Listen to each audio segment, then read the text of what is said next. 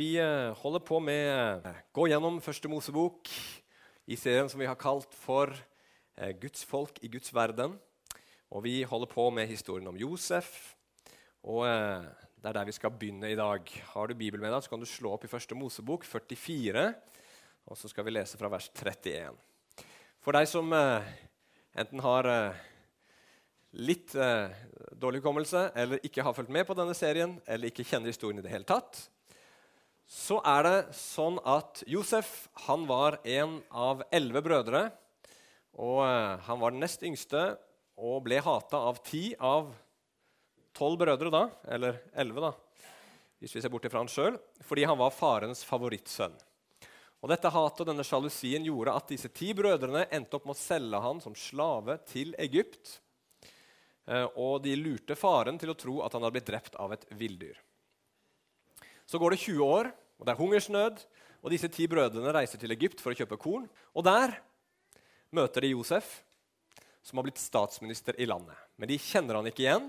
Men Josef derimot kjenner dem igjen, men bestemmer seg for å ikke avsløre identiteten sin. Og Det han istedenfor gjør, er å anklage dem for å være eh, spioner. Og kjøre et skikkelig forhør. Finner ut masse slags detaljer om livene deres og krever at de tar med seg sin yngste bror, som de forteller om, som er tilbake igjen i hjemlandet.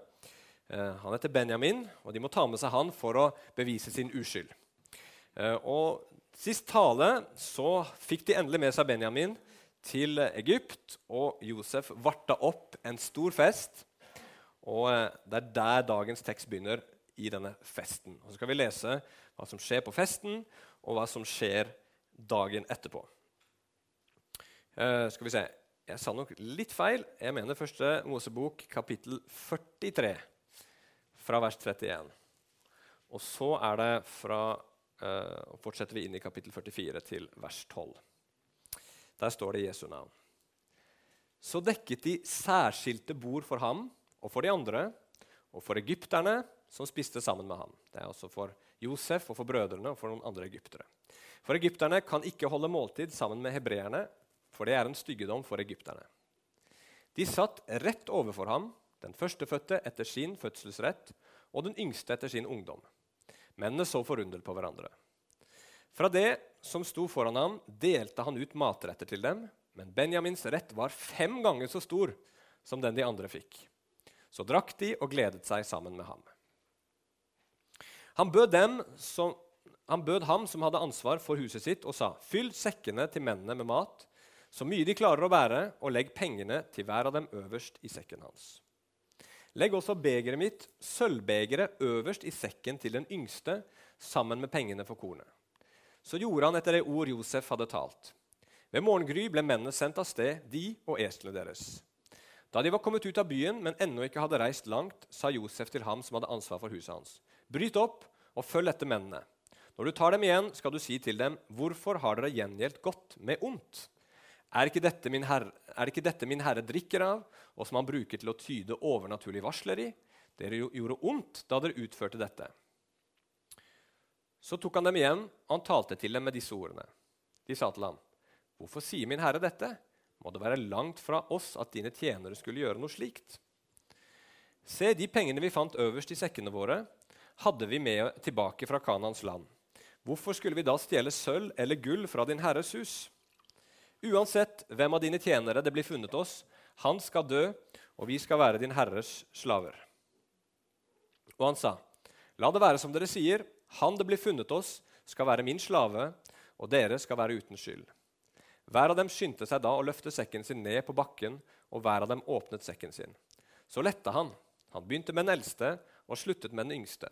Begeret ble funnet i sekken til Benjamin. Da flerret de klærne sine og hver av dem lesset på eselet sitt og vendte tilbake til byen. Kjære himmelske Far, vi bare ber om at denne historien, Herre, som eh, vi har kikka grundig på, snakka mye om, Herre, skal fortsette å, å, jobbe med hjertene våre. Fortsette å tale til oss. Fortsette å åpenbare deg for oss, Gud. Fortsette å hjelpe oss med livene våre her nede, Gud. Til å forstå hvordan vi skal leve, hvordan vi skal takle uh, konflikter og og problemer, og se, Herre, hvordan alt handler om deg, Jesus. og at det er deg vi må se til. Og det er det å ha forholdet vårt i orden med deg, Herre, som er viktigere enn noen annen ting. Så Herre, hjelp meg. Du ser jeg trenger spesielt din nåde i dag, Jesus. Her kommer jeg med mine eh, fem brød og to fisker, Herre. Må du velsigne og multiplisere ved din Hellige Ånd. Og la hjertene våre være god jord som du kan så ned i Jesu navn. Amen. Ja, nå begynner vi å nærme oss klimakset i historien om Josef, og vi skal komme til det store vendepunktet i historien i dag. Eh, men før vi kommer dit, så ser vi at Josef tydeligvis så langt i historien har en plan. Han har en eller annen hensikt, et eller annet, som han prøver å oppnå. Og Det er det vi skal snakke om i dag. Tittelen i dag det er 'Den store forsoningen'. Og Jeg har noen punkter. Behovet for forsoning, forsoningens vei, forsoningens pris, forsoningens glede. Og så skal vi til slutt snakke litt igjen om den store forsoningen. Ok, Behovet for forsoning. Hva er det vår venn holdt jeg på å si, Josef her er ute etter? Hva er det han vil? Jo, han vil ha forsoning. Han ønsker at den relasjonen som han hadde med sine brødre, skal gjenopprettes, skal repareres. At det som har gått i stykker der, skal bli helt.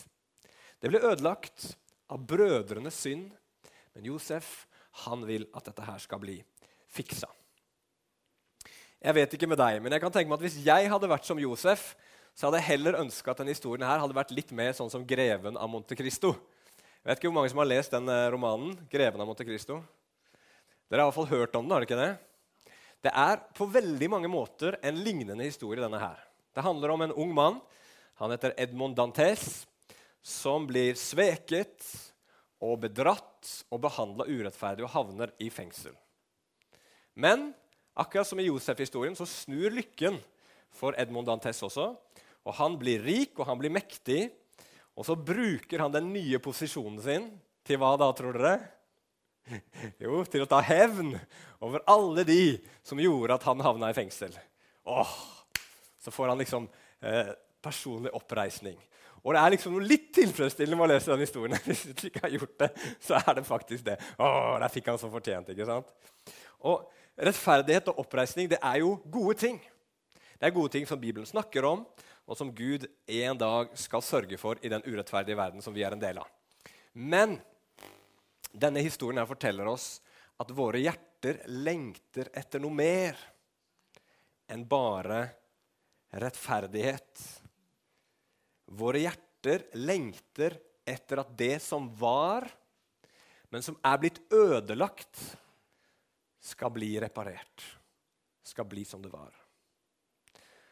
Og det gjelder alle relasjoner, men spesielt i de næreste relasjonene, når de går i stykker. Og Det er det som Bibelen og vårt dagligspråk også kaller for forsoning. At to parter som pga. synd har kommet bort fra hverandre, på nytt kommer nær, og relasjonen blir gjenoppretta. Så Josef han lengter etter forsoning. Brødrene de gjør nok det, de òg, men de vet ikke at det er mulig. De tror at broren antageligvis er død. Eh, og eh, har liksom ikke noe spesielt håp tror jeg, om det. Men behovet for forsoning fins der også fra den skyldige parten. Og det rare med den skyldige parten er jo ofte det at eh, eh, den skyldige parten innerst inne vet at man trenger forsoning. Og man sitter veldig ofte med nøklene til å kunne skape forsoning. Men man er veldig ofte bundet fast i et nettverk av unnskyldninger og forklaringer og anklager og selvrettferdighet. Og man kan lett ofte, til og med når man er den skyldige part, ta på seg offerrollen. Det skal vi prøve å se litt på hvorfor det er sånn seinere. Det betyr ikke at alle som er offer, ikke nødvendigvis er det. Men noen ganger så kan man faktisk være den skyldige og likevel føle seg som et offer. Men dette edderkoppnettet som vi lager oss når vi har gjort noe galt og ødelagt noe med vår, vår synd, det gir ingen fred. Vi kan forklare hvorfor det ble sånn. Vi kan komme med 100 000 unnskyldninger til hvorfor vi gjorde akkurat det vi gjorde, hvorfor det ikke kunne bli annerledes, hvorfor det ikke egentlig er vår feil. Men det gir aldri noe fred. Vi trenger forsoning, og hjertene våre verker etter det. Og alle relasjoner er skada på en eller annen måte. Og noen ganger så går det skikkelig galt. Og da snakker Bibelen at det fins en vei tilbake, og det er forsoning. Og hva er veien til forsoning? Hva er forsoningens vei? Vi kunne liksom tenkt denne historien her. At Josef, som tydeligvis ikke har så veldig mye imot brødrene sine lenger Det virker som han har tilgitt dem. Han er ikke ute etter å ta det eller skade det eller hevne seg på dem, sånn som Edmond Dantes i 'Greven av Monte Cristo' var. Men allikevel, når brødrene hans kommer, han ser det er dem, så sier han ikke 'Å, hei! Fint å se dere. Det er meg, Josef. Husker dere meg? Dere solgte meg som slave for 20 år siden.' Nei, istedenfor så sier han Eller han, han avslører ikke hvem han er, og han anklager dem for å være spioner. Og han starter hele denne prosessen hvor han holder på med mange litt sånne ting som vi lurer litt på. Hva er det han driver på med? Hva er målet hans? Vi vet han vil ha forsoning, men hva er liksom greia her? Han eh, får dem til å hente Josef fra Egypt, som vi sa i stad. Han putter eh, penger i sekken deres når de går tilbake. Og så inviterer han dem på fest. Og så På festen så får Benjamin, da, den aller yngste broren, han får fem ganger så mye mat som alle de andre. Hvorfor gjør han det? Og så kommer denne siste crescendoet, da, hvor han tar sekkene til alle sammen, som er fulle av mat, som de trenger til familiene sine, putter penger igjen, som de har betalt for kornet, tilbake i sekkene, og så til slutt tar han koppen sin liksom, sølvbegeret sitt, som var kanskje en veldig sånn fin, orna, eh, ornamentert gjenstand. ikke sant? En sånn eh, vakker sølvkopp. Så tar han den, så putter han den i sekken til Benjamin, den yngste, for at han etterpå skal anklage ham for tyveri. Altså, Hva i all verden er det Josef holder på med her? Jeg tror at det Josef vet, det er at sann forsoning alltid må ha to nødvendige ingredienser. Du må ha tilgivelse, men det trengs også tillit. Josef har allerede tilgitt brødrene sine, men han er ikke sikker på om han også kan gi dem tillit. Er disse brødrene her de samme som jeg kjente for 20 år siden, så kan jeg ikke gi dem tillit. For da vil historien bare gjenta seg, og forholdet blir ødelagt enda mer. Så hva trengs da for at man skal kunne bygge opp tillit når en relasjon har blitt ødelagt? Det fins fire faktorer. For det første så må den som har gjort noe galt, innrømme at man har gjort noe galt. Og ikke nok med at man må innrømme at man har gjort noe galt, men man må angre på det. Man må virkelig vise at jeg innser at dette var galt. Ikke bare sånn som barn ofte gjør, og noen voksne òg noen ganger. Ja vel, unnskyld, da! Det er jo en innrømmelse, men det er kanskje ikke så veldig mye anger i det. Og hvis man først angrer, så er det liksom ikke bare å angre fordi det var så fælt for meg! Angre på jeg gjorde det, for det gikk så utover meg. Men angre på de neg negative konsekvensene det fikk for den andre. Og så må det finne sted en omvendelse at man bestemmer seg og har som hensikt at dette her skal ikke jeg gjøre igjen. Jeg gjorde noe galt mot deg, og jeg vil ikke gjøre det igjen. Men man trenger noe mer enn det òg. Man trenger på en eller annen måte å se at det faktisk fins en reell forandring hos det mennesket. Og det vet Josef. Han vet at mennesker kan si 'Ja, jeg har forandra meg'. 'Å, det skal aldri skje igjen'. 'Ja, ja, sånn var jeg før, men sånn er jeg ikke lenger nå'. Eneste måten å vite om det faktisk stemmer, det er å se på menneskers handlinger. Og det er det Josef setter i scene her nå. Han setter dem på prøve. Så det første han gjør, det er at han inviterer dem på fest. Og så gir han Benjamin, yngstebroren, fem ganger så mye som de andre. Hvorfor gjør han det, tro? Jo, for han husker at hans brødre var en sjalu gjeng. Når han fikk en fin drakt, og alle de andre gikk rundt i Fretex-klær, mens han hadde fått eh, liksom eh, Gucci eller et eller annet. Jeg vet ikke om de lager klær. Dolce og Gabbana, et eller annet sånt. Så ble de skikkelig sjalu, og så prøver han de nå å gi den beste maten til Benjamin og en haug med mat, mens de andre sitter der med litt sånne mindre Fjordland-porsjoner. Hva skjer da? Jo, det står de spiste og de drakk, og de gledet seg sammen med han. Ok, her har noe skjedd. De er ikke sjalu på denne broren som sitter der med et lass med mat foran seg. Ok, Men så vil han ta det enda lenger. Han vil se om de fortsatt er villige til å la sin bror bli gjort til slave, sånn som de gjorde med han for 20 år siden. Det er hele hensikten med at han legger dette sølvbegeret i sekken til Benjamin. Og Det var et sølvbeger, og vi husker at Josef ble solgt for sølvpenger. Og På hebraisk, eller på det språket på den tiden så het det ikke penger, det het bare sølv. Så her er det sølv i begge tilfeller som skal liksom gjøre denne situasjonen til en gjenfortelling, en gjenopplevelse av det som skjedde for 20 000 år siden. Nei, 20 000 år siden! Hva i verden? 20 år siden! Hjelpes. For å se om disse menneskene, disse brødrene, har forandra seg. Så hva gjør de? Hva gjør de i det øyeblikket disse tjenestemennene til Josef kommer? De går gjennom alle sekkene og de sier ja, vi har ikke gjort det, det er ikke vår feil. Vi, eller vi har ikke tatt noen ting. Og den det blir funnet oss, han skal Eh, han skal, eh, han skal, miste livet, og vi skal være slaver, hele gjengen. De er liksom så sikre på sin uskyld. Og så går de gjennom sekkene, og så dukker den opp i Benjamins sekk. Og de, revner, de, de, de sønderriver klærne sine. Jeg vet ikke om dere husker at De tok kjortelen til Josef og reiv den i stykker og dyppa den i blod for å skjule sin synd. Her river de sine klær i stykker, igjen som en påminner om at dette her er liksom en gjenfortelling av det som skjedde. Men de gjør noe helt annet. Nå er det sorg nå eh, kjenner de tyngden over denne situasjonen. Og det store spørsmålet er hva kommer de til å gjøre? Kommer de til å la sin bror Benjamin bli solgt eller tatt som slave? Og Det som skjer videre, som ikke vi leste nå, men vi skal lese det straks, det er at Juda, som på en måte er lederen for flokken, han tar ordet forteller hele bakgrunnshistorien sin, forteller om farens kobling til denne yngste sønnen Benjamin, og at han, han allerede har mista en sønn han var glad i, osv. Og, og, så sier han i kapittel 44 fra vers 30, som vi skal lese sammen nå Der sier han Oi sann, den kommer opp den på skjermen, faktisk.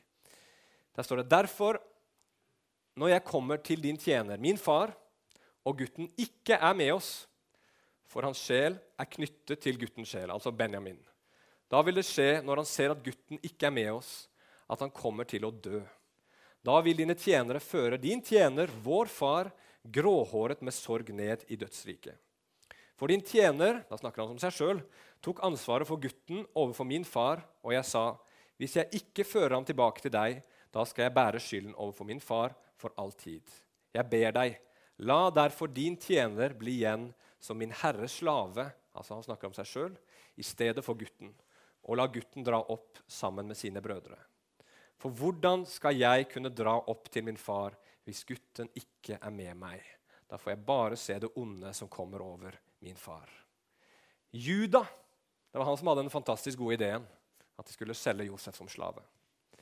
Juda har blitt forandra. Livet hans har blitt forvandla. Noe har skjedd. Noe har skjedd som legger grunnlaget for forsoning.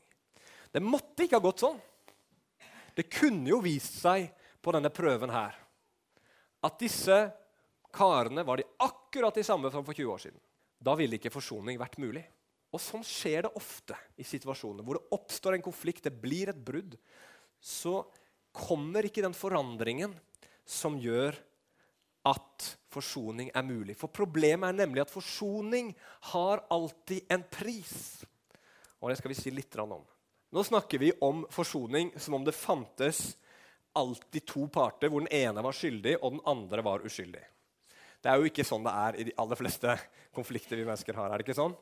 At vi er både skyldige og vi er offer ofte når det er en konflikt. Kanskje én er mer skyldig enn en annen, men det er veldig sjelden at én part er helt uskyldig, sånn som vi har i denne saken her, og en annen part er 100% skyldig. Men nå snakker vi litt sånn ut fra denne historien her og i sånne kategorier. Men vi, vi forstår at det her gjelder oss alle sammen. Begge sidene gjelder oss alle sammen i våre konflikter. ikke sant? Vi er både den skyldige part og vi er den forsmådde part. Den forsmådde parten i dette tilfellet er Josef. Og han, han må betale en pris. Han må tilgi. Og hva i all verden er tilgivelse? Det er en del forvirring rundt det uttrykket, men jeg tror det er riktig å si at tilgivelse er å forlate sitt rettmessige krav. Et rettmessig krav om rettferdighet og oppreising. Det vil si at du såret meg, f.eks., og du fortjener å bli såra tilbake, men jeg vil ikke kreve det. Eller du tok ifra meg, og du fortjener å måtte betale for det, men jeg vil ikke kreve det tilbake. Og Her kan du jo plutselig fort tenke at ok, ja, men hvis vi skal begynne å tilgi, så vil jo ingen altså Vi skal bygge samfunnet på det og bygge barneoppdragelsen på det hele veien. Der blir det jo ingen straff og ingen oppdragelse. Derfor så tror jeg det er sånn at tilgivelse ikke nødvendigvis betyr at man ikke mener at den som har gjort noe galt, skal få en eller annen straff. Men man tenker straff med en annen hensikt. Enten for å hjelpe vedkommende å forstå alvoret i det gale man har gjort, eller i ekstreme tilfeller beskytte samfunnet eller andre mennesker fra det individet. Men straff for ens egen del, straff, at man krever at den andre parten skal bli straffa for at mitt behov for oppreisning skal bli fylt, det gir man opp i tilgivelse. Og da er spørsmålet er det lett. Er det enkelt? Nei, det er kostbart, og det er smertefullt. Hvis du har opplevd at noen har vært skikkelig stygge mot deg, gjort noe de aldri skulle gjort, og du går gjennom en tilgivelsesprosess, så vil du erfare noe som virkelig gjør vondt. Det er ingenting som heter å bare tilgi. Tilgivelse har alltid en pris. Det er lett å se det for når det er penger inne i bildet, eller noe økonomisk inne i bildet. ikke sant? Hvis det, en eller annen nabo blir veldig sint på meg Det skjer stadig vekk, det. Og han kommer med balltre og knuser hele bilen min. Ikke sant? Og jeg vet at det er en, en, eh, en, nabo som ikke kan betale tilbake, ikke har noen mulighet til å, til å gjøre noe liksom, eh, for, å, for, å, skaffe meg en ny bil. Så har jeg ikke noe annet valg enn å bare tilgi, som en god kristen mann som jeg er. Men hva skjer da? Jo, da er det en pris jeg må betale. Jeg må bære tapet. Jeg må bære tapet. Og Sånn er det når det er økonomiske ting i bildet, men når det også er følelsesmessige uh, ting som, som, som, vi kjenner på, så er det tap man må bære. Blir, eller når noen, noen, gjør noe ondt mot en på, på, andre måter som ikke har med økonomi å gjøre. Når det er svik og, og, og, og, ondskap på forskjellige måter, så er det også en pris man må betale. Man må bære den i seg selv. Man må ta tapet sjøl. Og det er smertefullt. Men det må til. Bibelen sier vi må tilgi. Og det er definitivt for vårt eget beste og for vår egen frihet men det er også en nødvendighet hvis vi noen gang skal ha håp om forsoning med mennesker. Men så er det den andre parten, den skyldige parten. Må de betale noe? Ja, de må også betale en pris. Og det er der det begynner å bli vanskelig. Det er vanskelig å tilgi, men også veldig vanskelig å innrømme at man har gjort feil. Det er noen som kan skrive under på det. I tillegg så må man se på seg selv. Ikke fra sin egen synsvinkel, som er veldig ofte rettferdiggjørende og har masse filtre som vi ser gjennom, som får oss Vet du hvordan det er på, på, ikke, på de her eh, sosiale medieappene? Så er det veldig mange sånne filter du kan ta på.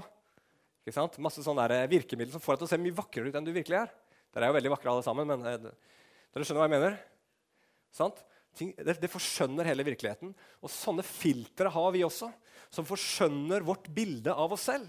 Men i det øyeblikket jeg faktisk innrømmer at jeg er den skyldige part, at jeg har gjort noe galt, så begynner jeg å se på meg selv uten filter. Og det er ganske vondt. For da må jeg innse og innrømme at jeg ikke er så god som jeg tror. At jeg ikke er et godt menneske. Det er så lett å se flisen i sin brors øye, men det er så vanskelig å se bjelken i sin eget pga. disse filterne vi har. For når vi ser oss selv sånn som vi er, og vi må innrømme at vi ikke er et godt menneske, så raser hele fundamentet for vår egenverdi. Eller det begynner iallfall å sprekke i grunnvollene. For Hvis ikke jeg er et godt menneske, hvordan kan jeg være verdt noe da? Det er jo de som ikke er verdt noe. Det er jo de som er fæle, de som er onde. Jeg er jo et godt menneske. Derfor har jeg verdi. Ikke sant? Men hvis forsoning skal være mulig, så er man nødt til en viss grad og Det kommer an på hvor bra forsoningen blir, men i jo større grad man faktisk er i stand til å se sin egen synd fra den andres perspektiv, ta inn over seg hva man virkelig har gjort, og hvem man virkelig er, i den grad kan forsoningen gå dypt. Og Da må man la seg knuses på en eller annen måte av alvoret i sin egen synd. Man må hate det, og man må ta noen kostbare valg i livet sitt for å leve annerledes. Det er en pris å betale. Det koster noe. Det koster noe for stoltheten vår, det koster noe for selvbildet vårt. Det koster noe på veldig mange områder. Og den prisen er det Juda betaler her. De har gått gjennom hele denne prosessen. De har angra. Det har vi sett underveis. Men nå kommer det avgjørende punktet. Er de villige til å la denne omvendelsen koste noe?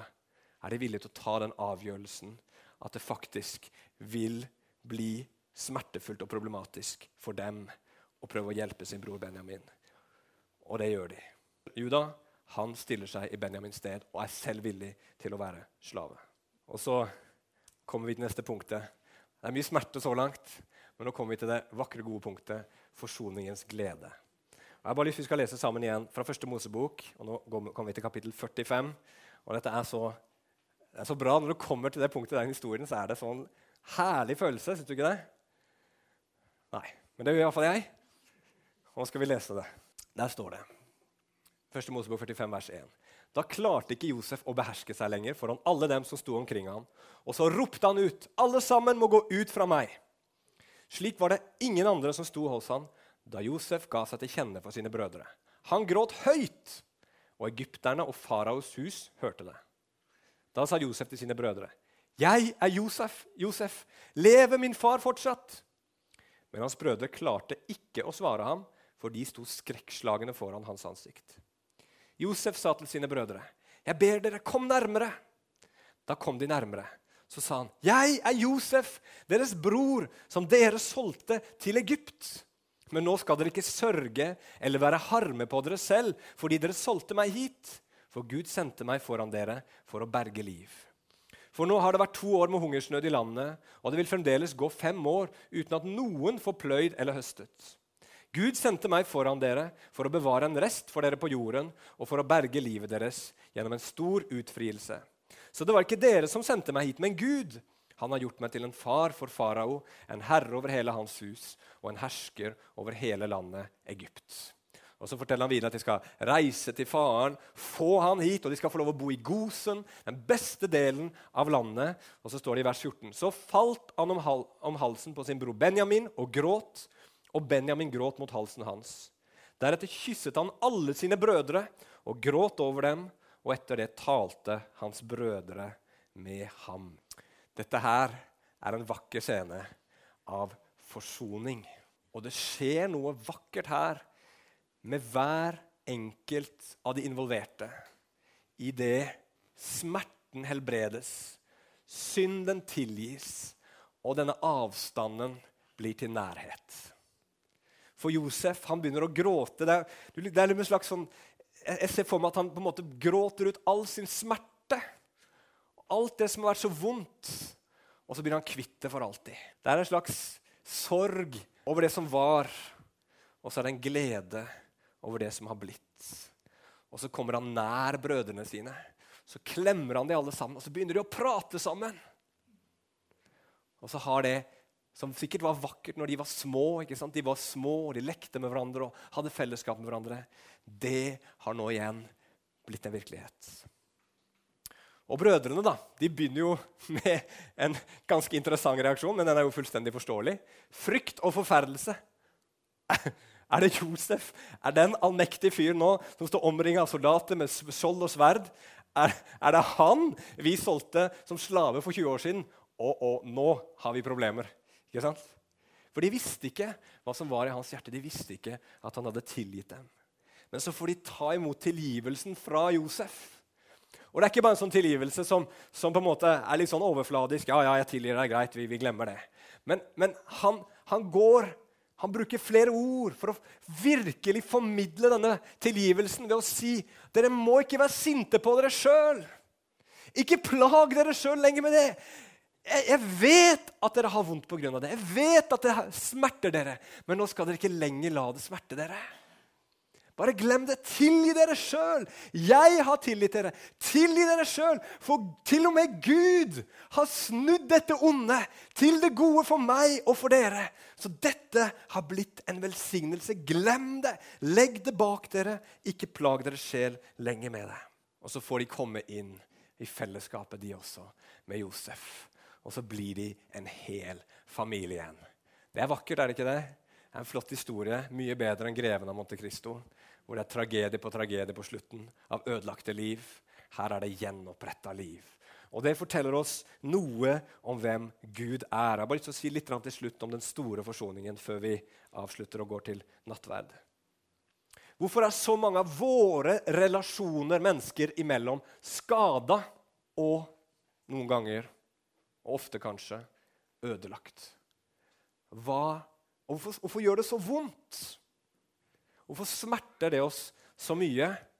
Og hvorfor er forsoning så fryktelig vanskelig? Hvorfor er det så vanskelig når noe har blitt ødelagt, å reparere det igjen? Jo, Bibelen, Bibelen forteller det at vi mennesker ble skapt til fellesskap. Og først og fremst med fellesskap til Gud. Og når det fellesskapet med Gud er ødelagt, så ødelegger det alle fellesskapelige relasjoner som vi har med menneskene rundt oss. Og Grunnen til at vårt fellesskap med Gud er ødelagt, er synd. Og akkurat som denne historien her, hvor Josef er den forsmådde part, og de ti brødrene er de skyldige, så står Gud som Josef og vi som de skyldige. Men de gode nyhetene i Bibelen er at på samme måte som forsoning var mulig her, så er forsoning også mulig mellom oss og Gud. Hvordan kan det skje? Hvordan kan det skje at vi mennesker som har synda mot en så stor Gud Du vet, En relasjon blir og, og, og, når man synder mot noen, så blir det mye verre. Det blir en verre synd jo tettere relasjonen er. Hvis du gjør noe stygt mot en person du ikke kjenner og ikke har noe forhold til, og gjør akkurat det samme mot din mor eller din far, så er det mye verre. Og når vi har synda mot Gud, som er vår skaper, som er den vi trenger mer enn alt, som vi skylder alt, så blir størrelsen på vår synd, alvoret i vår synd, så mye, mye større. Hvordan kan vi da forsones når våre hjerter også er blitt så harde? Og så mange mennesker rundt, går rundt omkring her nå og sier nei, Gud han vil ikke ha noe med å gjøre. Jeg tror ikke på han heller. Og jeg liker han ikke heller. Det kan skje ved at forsoningens pris betales. Og For det første så er det Gud som må tilgi. Og Gud kan ikke bare tilgi. Gud kan ikke bare tilgi. Så ja, vi, må, vi bare glemmer det. Nei, Gud, akkurat som oss, må betale en pris for å kunne tilgi oss. Og det er det vi ser på korset. Den smerten som du føler i det øyeblikket du velger å tilgi noen som har gjort urett imot deg, er bare en vag fornemmelse av den kosmiske smerten som Jesus kjenner og bærer for Gud der på korset, for at vi skal kunne bli tilgitt.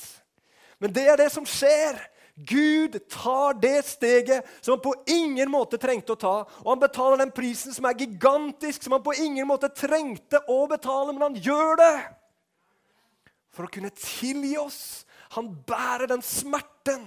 Han betaler den ufattelige prisen for å kunne tilgi oss og gi oss nåde.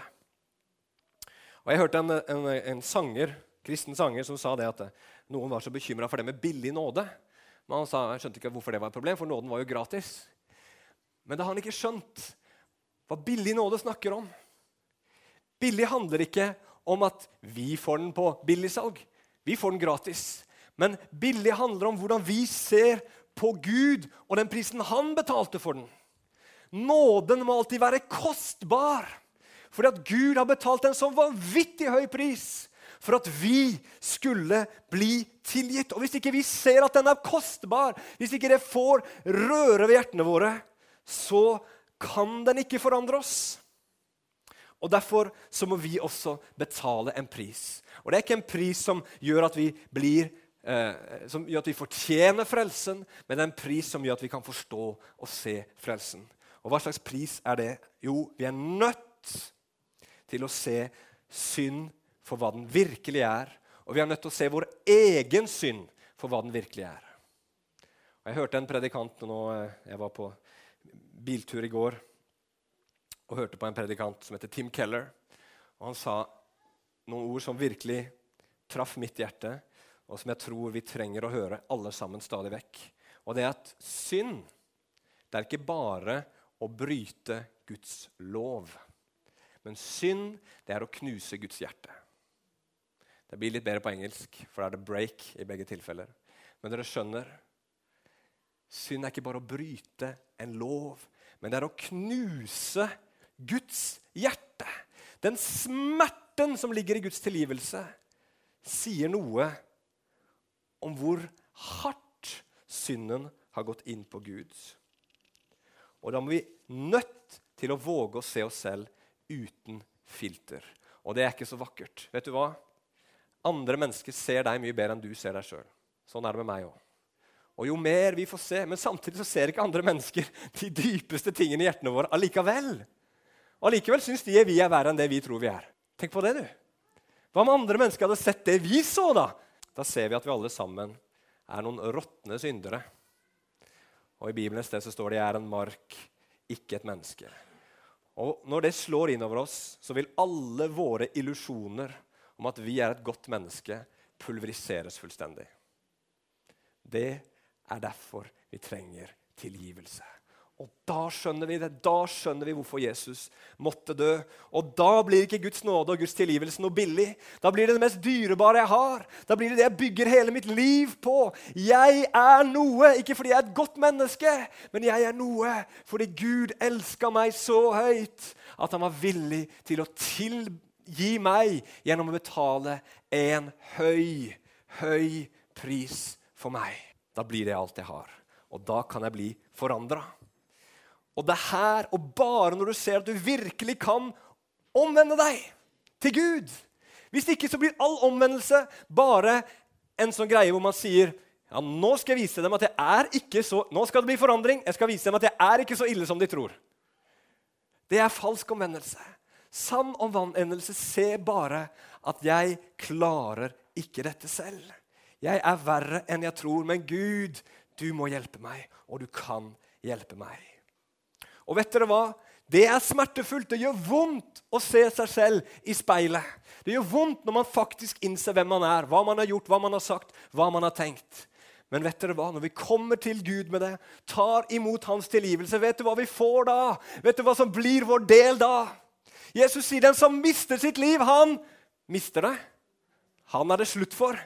Nei, han skal finne det, ja!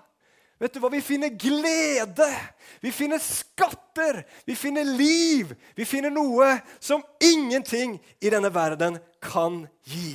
Åh, dette er stort, og vi trenger å se det.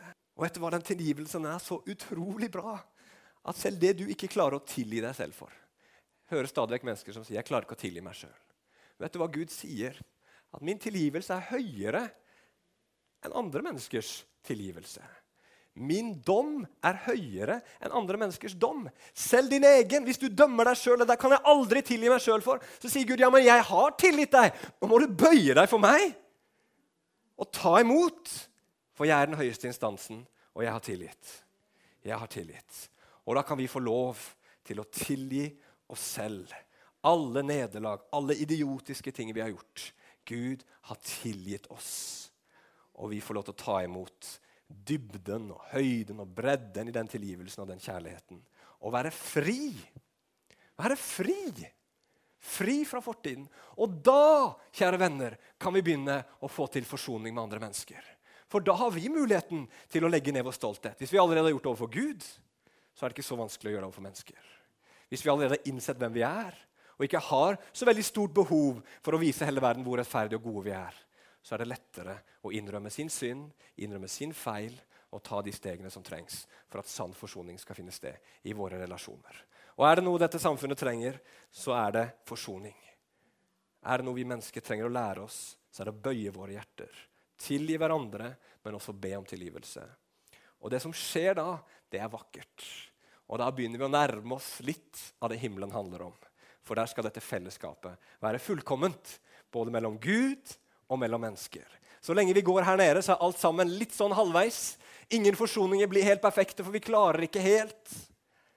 Men når vi kommer fram da, så skal det bli en fullkommen forsoning mellom Gud og mennesker. Og det skal bli sånn nærhet og et sånt fellesskap at det kommer til å fylle våre hjerter med sånn en glede, sånn et liv, sånn en undring, og alt, alt kommer til å bli vakkert i all evighet. Amen.